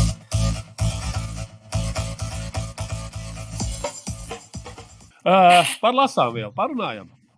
Tu noteikti esi daudz ko klausījies, nevis lasījis. Es varu pateikt, es uzreiz uh, vēl joprojām turpinu lasīt uh, kļauju grāmatu, avot laiks, un vēl šo to esmu iesācis. Vēl šis tas ir pienācis, bet par to, kad pienāks laiks. Tā kā tās uznāciens. Skatos, es par, su, es par sunīšiem, es par sunīšiem lasīju. Nē, es klausījos, es klausījos, es vienmēr klausos, un kāpēc es to daru? Tāpēc, ka man tāds darbs, es. Uh, paralēlis. Tagad es izdomāju, ka es mazāk varbūt uh, skatīšos, jo man tas īstenībā mazāk uzmanību novērš. Labāk ir klausīties kaut kādu audio grāmatu, un tad paralēli var darīt tādas vairāk, vairāk kaut kādas lietas. Nu, kas tā par grāmatu par sunīšiem? Un šī ir uh, grāmata, ko ir Kevins Hārts. Es nezinu, vai viņš viņu ir uzrakstījis drīzāk, jau gan jau pastāstījis, un Nīls Strauss ir uh, to, to, to piefiksējis. Uh, bet, bet uh, Kevins Hārts ir ielasījis šo grāmatu. Tā ir viņa autobiogrāfija. Tas skaitās autobiogrāfija. Tas, protams, ir automātiski bestsellers, tāpēc ka Kevins Hārts ir pasaulē faktiski šobrīd, uh, es teiktu, numur viens komiķis. Uh, viņš ir, viņš ir, uh, viņš ir aktieris, viņš ir uzņēmējs, viņš ir principā tāds. Tāds Jay-Z, tas, kas, kā, tas, kas bija pirms kāda laika Jay-Z, tas tagad ir Kevins Hārts. Mm -hmm. Tie, kas nezina, kas ir Kevins Hārts, nu, Es domāju, Sorry, ar labu vakaru tiekamies nākamajā. Jā, jums vajag, jums vajag iet vienkārši YouTube. Uh, jā, paskatīties Kevinu Hārtu. Uh, un, uh, var sakot, viņš ir uh, ielasījis to savu autobiogrāfiju, un es varētu teikt, atkal tā līdzīgi kā es par Deivu Grolu grāmatu pagājušais ļoti, uh, vai kad aizpagājušais ļoti, ļoti safanojos. Tad, um, tad šoreiz šī grāmata noteikti ir I can't make this up es nevarētu to izdomāt. Uh, grāmata tāda nosaukuma. Uh, tur viss sākās ar viņu bērnību.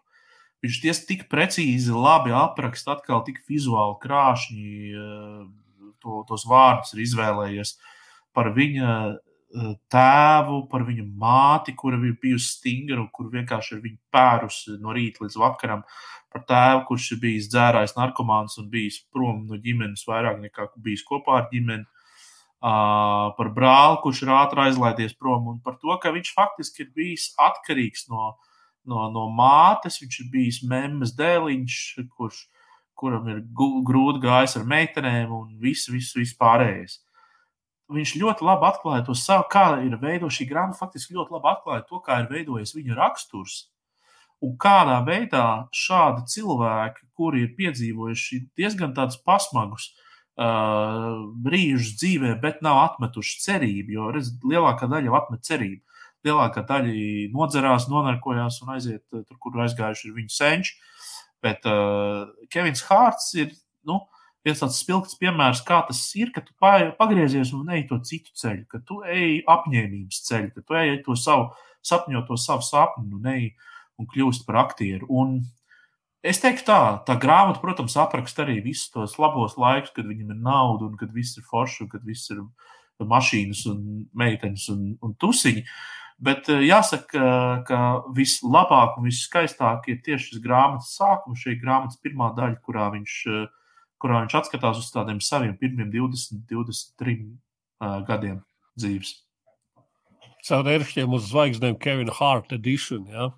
O, jā, ļoti skaisti. Rekomendēju. Labi. Oh, lai šam tālāk tev tavs. Jā. Ke Kevins Hārts eh, man aizgāja, teiksim, tā, eh, rūpīgi reiķinot kaut kādās 12 stundās. Vienkārši tādā vienā vīlē.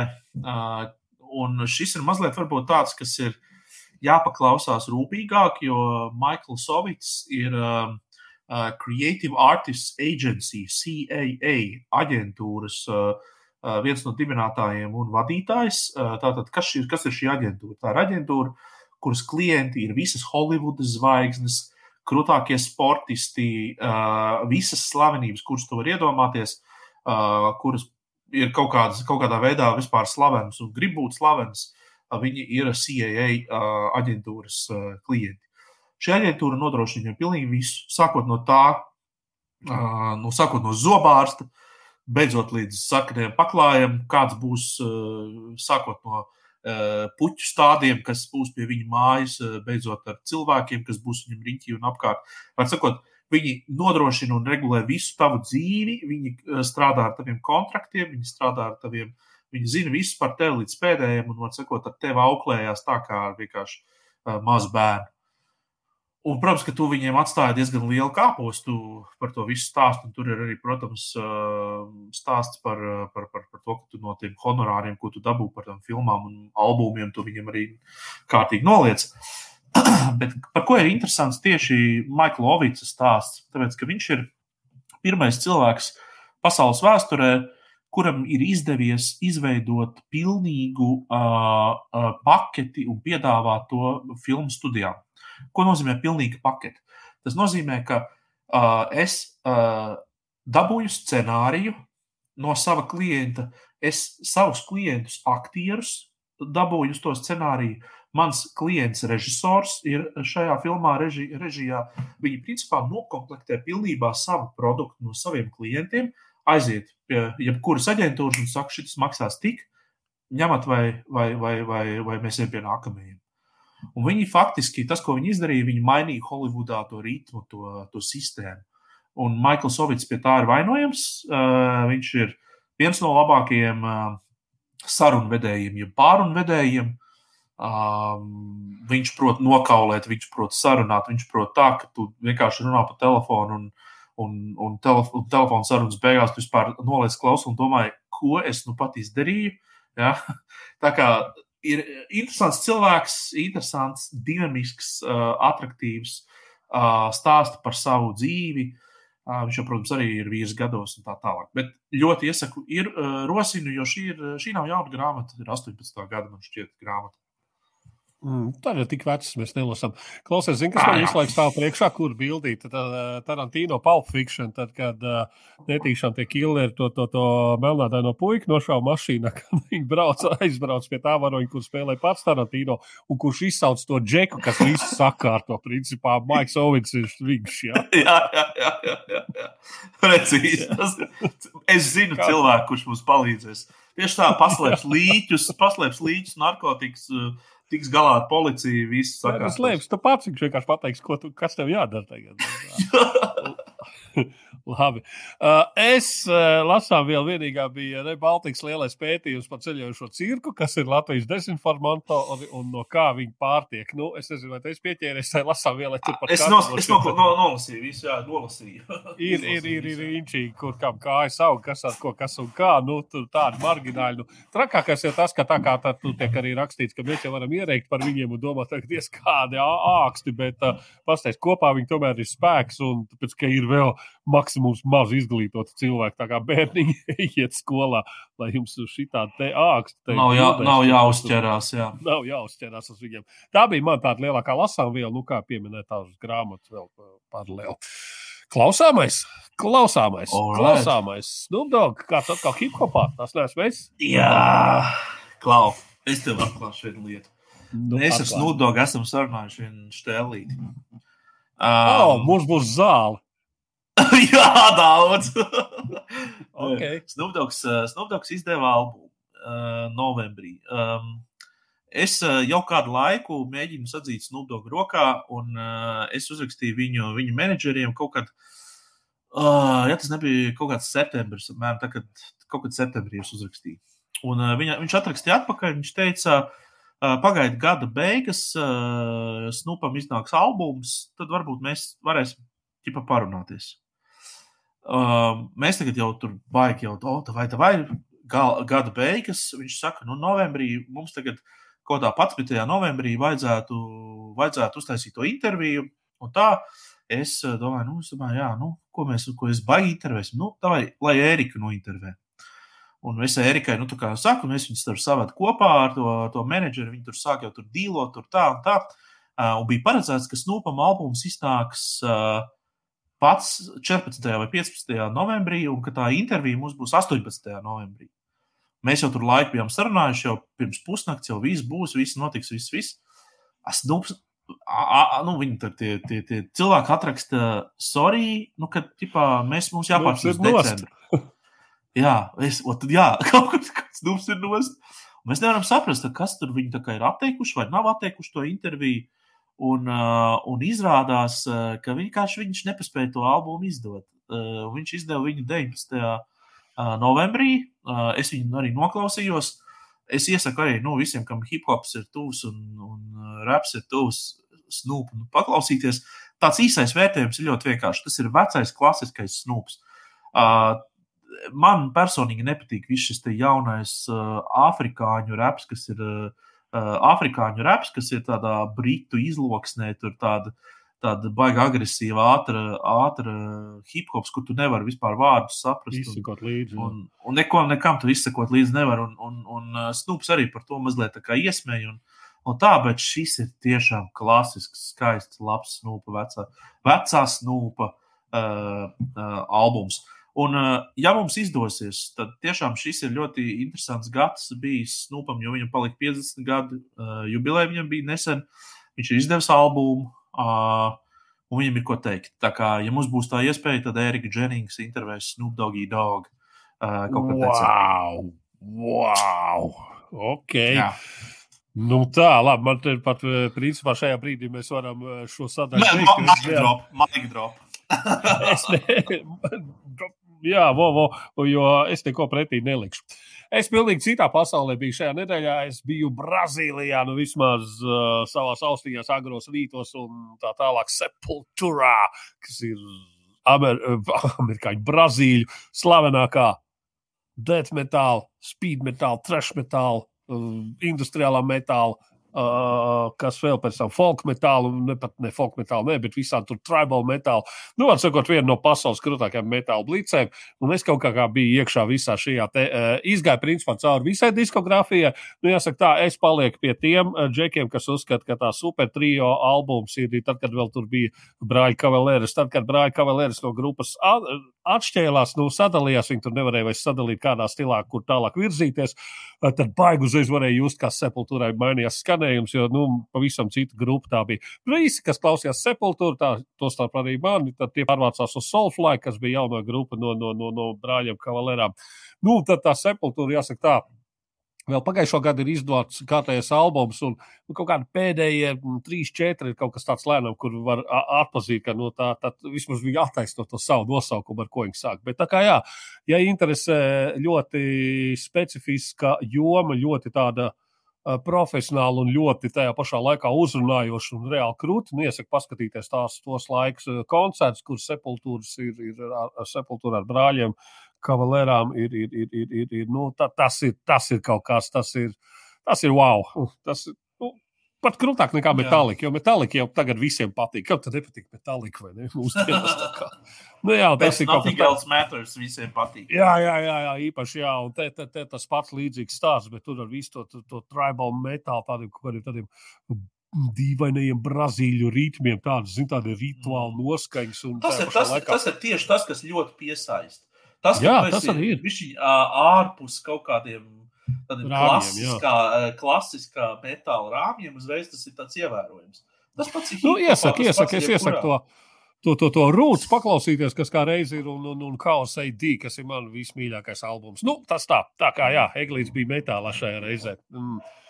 Turpinu, roku klausījos, uh, viegli nebija. King Crimson kārtējo live uh, aplati ir izdevuši Music is our friends, nu, kas gan šaubītos, bet King Crimson, ja man prasa no 1 līdz 10, cik sarežģīti ir klausīties King Crimson, tad tas ir kaut kādi 15.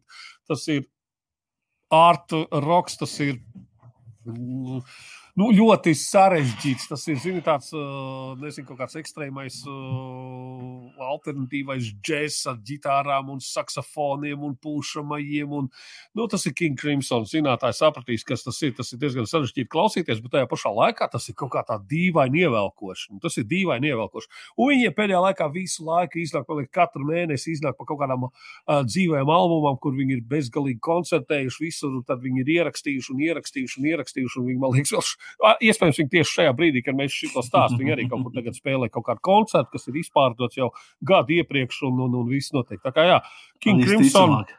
Jā, tā kā King Crimson var pamēģināt uh, iztur, uz sevi uz izturību, cik, cik ļoti tu spēj uztvert. Uh, Teiksim, roka kaut kādas tādas mm, ekstrēmos, ne, es neteikšu ekstrēmos, bet tādas sarežģītības pakāpe, kurā brīdī, vai tu, vai tu esi liepājis, nu, teiksim, nulli ir liepājis roks, jā, un, un, un, un tas kosmiskais gals ir King Crimson, tā kā kaut kur pa vidu mēs visi arī esam. Uh, Lorita Mēdne, desmit reizes par viņu, jāsaka, godīgi par tādu Lorita Mēdne, es īpaši pirms tam baigi nebiju dzirdējis, bet uh, pēkšņi viņa ir klāta. Izrādās, viņa visu laiku ir bijusi uz Latvijas alternatīvās skatuves, sadarbojusies un studējusi uh, visādas gudas lietas, visādās ārvalstīs, un kur tik ne visu kaut ko foršu samācījusies, un ar ļoti nopietnu tādu patīkamu es pat teiktu, ar džeksiskām noskaņām albumu desmit reizes par viņu. Desmit reizes par viņu ir dziesmas, nu, kas ilgākā laika posmā tapušas, un tur ir pietiekami profesionāli mākslinieki piedalījušies. Tas nav tā, ka ir kaut kāda kārtējā meitenīte, kas televīzijas no rīta ir, mm. es te ierakstīju dziesmiņu, o, oh, baigi foršais, ar tauriņiem spēlējos, spēlējos, jā, no nu, viss šitais. Un, un, un, Es atcaucos uz no pat vienu čiepiņu no rīta. Es redzēju, šodien, bet neatceros, kā viņas sauc. Rīta panorāmā. Tā, viņi ir akadēmiski izglītoti. Jā, tad, nu, tā, jā nu, kaut kas uz džēzus pusi, tur viss kaut kur tā kā viņi ir šur, tur bijusi. Teiksim, nu, tas, ir tas, tas ir tas kosmos, ko tu man prasi, no kurienes šāda mūzika ir. Nu, tas ir tas radio naba, tas oh, ir viss valošu pilnu pagalms. Tur Labi, es šo, es šo pierakstu. Es šo pierakstu Pietiksē, šis ir foršs, šis ir tiešām foršs, šis ir tas kaut kas tāds, uz kur labprāt mierīgi var aiziet. Ko, šī, šāda mūzika ļoti labi skan gan teiksim, tādā uh, smalkākā restorānā, gan arī teiksim, Tallinas kvartālā, kur, kur, kur, kur tu doktor Martins Zaba kosēji un, un saplēstos džinsos. Tā kā, jā, lielisks albums. Skatām viela. Ah, tā kā oh, jā. es jau esmu runājis. Jā, Klau, šis ir mans atklājums. Es biju dzirdējis no kaut kādiem cilvēkiem, kam ir tuvu skatīties Apple TV plus pro produktus, proti, nu, aboļu televīziju kas nav Netflix, kas nav Hulu, kas nav visi šie pārējie HBO, bet uh, āboļu televīzija. Un es kaut kad biju dzirdējis par šo, bet es tā kā, nu, tā, tā kā nav tā kā ļoti. Es man NBA interesē, man patīk basketbols. Un tā, un es domāju, nu, bet es neskatīšos seriālu par puiku, kurš izlaužās tur, zinu, līdz kaut kādam tā, kā sāku skatīties. Sporta drāma. I, izsmējos, ir raudāju, ir visu darīju uh, seriāls, kurš vienkārši pilnīgi noteikti jūs neatstās vienaldzīgus. Uh, par, uh, par basketbolu, protams, jābūt varbūt drusku interesēji par basketbolu, jābūt tādam iekšā tam, tam, tam, tam sacensību, tam, tam, tam tam inside no, zināšanām par, par, par, par, to, par to jomu, par tiem sportistiem un tā, bet visādi citādi tas ir ļoti labs un foršs stāsts par melnādainu ģimeni, uh, par, eh, protams, ka māte ar kaut kādiem putniem, ar, ar dēlu, kurš ir paklausīgs. Līdzīgi īstenībā, kā Kevins Hārts. Tas ir Kevins Hārts, atkal tu skatījies. Kā, nē, nē, nē, nē, bet kā memes, kā tāds memes dēliņš, bet kurš patiesībā tā māte viņu īstenībā izdiriģēja līdz tam, līdz tam karjeras augstākai virsotnē. Ja? Mm -hmm. Vi, mātes ir tās, kuras tur caur tiem pērieniem caur tiem visiem tos dēlus tur kaut kā no noliek pie vietas. Un, zin kā, tas jau tev nav tik vienkārši būt Amerikā melnādainajam tīnim, kuram, protams, ir uz katra stūra visādi, visādi kārdinājumi. Un, Aiziet kaut kādā su, sūda taku. Kā saka par sūda taku aiziet mm -hmm. dzīvē. Swagger. Es patiešām rekomendēju. Ļoti labs seriāls. Nodeva Laurai Grēviņai. Atcerieties, viņa teica, ka viņa tajā dienā ir sākusi skatīties jūtu trešo sezonu. Nu, no tā brīža līdz šim brīdim es arī beidzot esmu pieveicis trešo sezonu. Es kaut kādā mistiskā veidā, es, es, es, man nav reāli izskaidrojumi racionāli, kāpēc es redzēju iepriekšējās divas. Vecīto, tas ir kaut kas tik ļoti meitenēm, tik ļoti paralēlā pasaulē, tik ļoti neiespējams, neloģisks un vispārējais. Nu, tu, tu, tu, A, ko Laura toreiz teica? Viņai patīk vai nepatīk? Nu, kā viņa teica, kā, nu, jā, nu, šodien iznāca, un viņa jau ir paspējusi pirms, pirms bērnu vešanas uz dārziņu vai uz skolu vai kur tur, un, un, un, un kad jau pirmo sēriju jau ir noskatījusies, un, nu, tikai nobijušos visu šito te. Oi, nu, labi, ok, dāmas. Laura, Laura, ja kas uzraksta, vai tev patika, vai tev nepatika trešā sezona, jo, jo starp citu, no. mēs, varētu, mēs varētu atskaņot vienu nelielu video, ja mums būs tāda iespēja. Uh, iemontēt šeit iekšā par, tieši par seriālu Jū. Šodien, uh, pirms es uh, pirms šīs tiešraides pārspēju noskatīties vienu sēriju no tikko, tikko šodien iznākušās Jū trešās sezonas uh, Netflixā pieejams uh, seriāls, un uh, no pirmās divas man ļoti patika. Es zinu, ka ļoti daudzām, vismaz dāmām, ir uh, šis seriāls. Jā, jā, jā. jā, jā, jā. Tāds psiholoģisks trilleris. Uh, Arī mēs zinām, kas tas ir. Jā, tā kā trešā sezona ir klāta.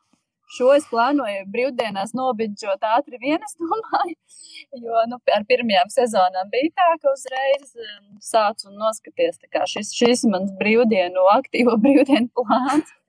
Uh, bet, nu, visu es vēl neesmu redzējusi, bet sākums jau labs. Uh, un tā, jau, jaunas pārmaiņas, vis kaut kādas. Nu, lūk, un, nu, es domāju, tie, kas nezina, varbūt jums arī nav jāzina. Tas Džeks ir tas, kurš izspiego meitenes, viņš to slepkavo cilvēks. Viņš ir tāds, tāds, es pat nezinu, kas tas tāds ir.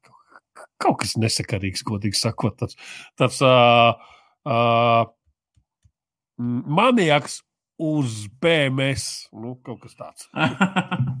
es es nemāku citādāk izskaidrot, jo tik neloģisks rīcības, tik kaut kādas paralēlā pasaule bez policijām un bez visādām citādām. Nu, kas tur notiek? Es noskatījos Labi. pirmo sezonu, man negribējās vairāk. Jā.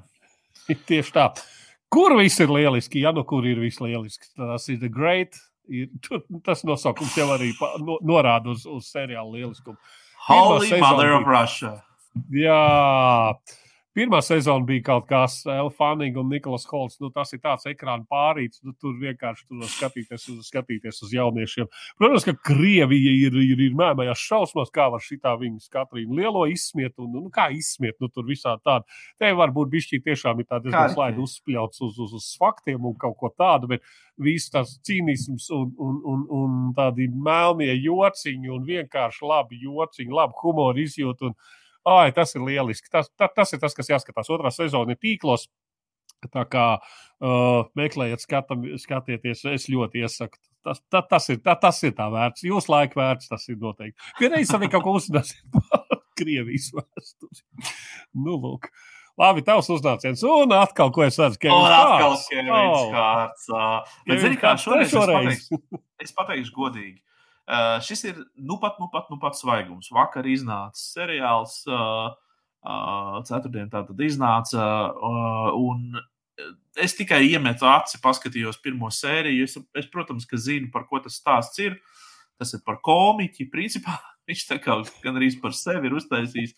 Bet ļoti interesants uh, stāsts, uh, True Story, kas, starp citu, arī tā arī pēc būtības ir balstīts uz uh, uz, uz, uz, uz patiesiem notikumiem, par nodevību, par, par, par, par um, šantāžu, par slave, slavenību, bū, būšanu tur augšā un riskēšanu pazaudēt pilnīgi visu.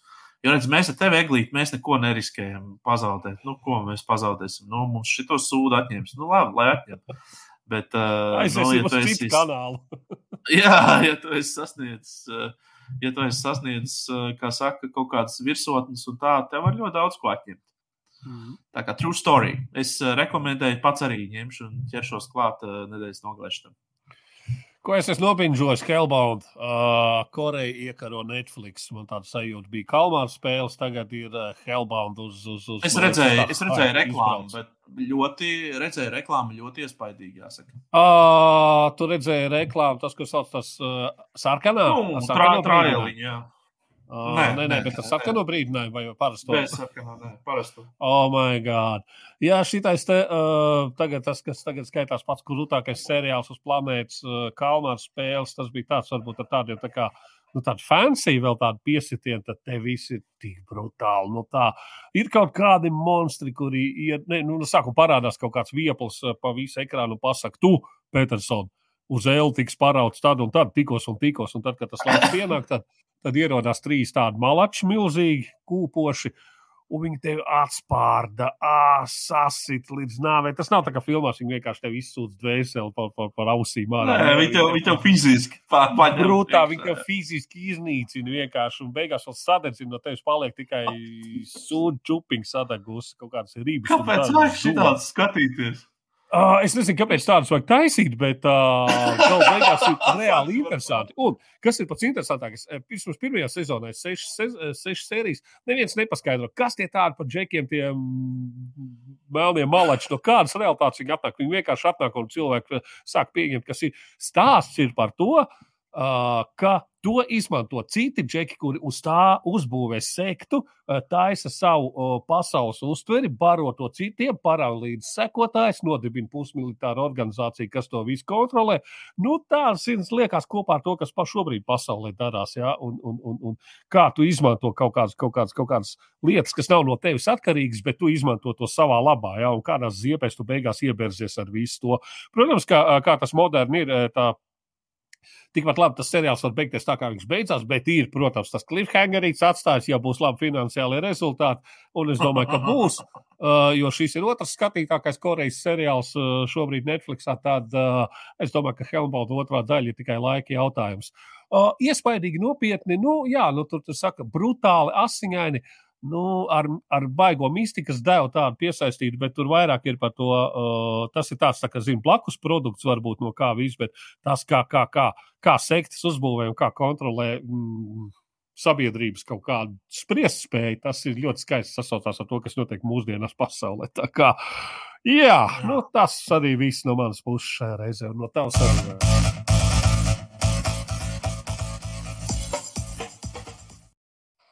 Nu, tad jāsaka, ka esam atkal viens, vēl viens raidījums, ir aizritējis, vēl viena nedēļa ir aizritējusi. Mēs esam pietuvojušies Ziemassvētkiem, pietuvojušies, starp citu, arī mūsu gada jubilejai. 52. raidījums būs mūsu gada raidījums, ja reiz mēs tā domājam, ka mēs reizē nedēļā iznākam. Mm -hmm. Ai, Eglīt, kur tu gribētu? Tu gribētu kaut kur uz kādu saulainu vietu aizlidot tagad. Negribētu ziemā. Ziemā uz saulainu vietu? Jā. Protams, ka gribētu. Jā, tā kā. Jā. Ai, nu, forši kaut kur aizsākt. Eh? Mums, uh, mums būs nākamā nedēļa saruna ar Aneti. Aneti, mūsu, mūsu Anete. Tie, kas atcerās, tie, kas zina Anete. Un spēlējam galviņu.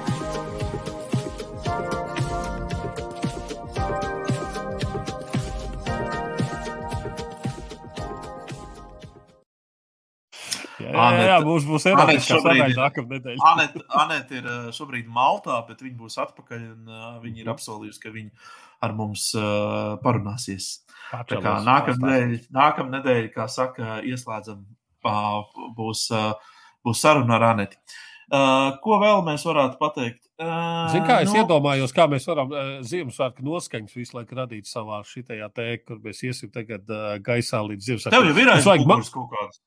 À, nu tas, jā, tas vienkārši tā, tā, tā, tas tur karājās. Tas ir tik izvilkts ārā. Tas ir, protams, tas ir viens. Otrs ir, ka uh, vajag vienmēr kaut kādu zvanīgu. Kā, tā kā jebkura dziesma, ko tu dzirdi, ja tu gribi to pa Ziemassvētku dziesmu padarīt, sākumā pieliec kaut kādu. Un, un, un tad aiziet dziesma, un tad tu zini, ka tā ir Ziemassvētku dziesma. Mēs arī visu laiku fonā varētu. Es to vēl varētu uzlikt tādu visu laiku tā, tāds mākslīgs sniedziņš visu laiku. Dirst. Jā, Jā Ziemassvētku tuvojas uz siltām zemēm jātaisās. Tā kā... Tieši tā. Labi, kaut ko mēs izdomāsim. Kaut ko jau mēs izdomāsim. Gan jau tas nedēļas tiks. Gala beigās, dienas beigās izdomāsim. Labi, un starp citu, tā, pagaid, kas tad bija par tas cilvēku? Kaspar, Kaspar, Kaspar. Ar tevi mēs vēl sazināsimies, jā? Viss vēl nav beidzies, mēs ar tevi vēl sazināsimies. Okay. Tu mums esi uzvarējis balvu, jo tu esi viens no mūsu sešiem skatītājiem. Skatieties savu veco iPhone. Jā, šovās to jūs skatieties. Labi, tā.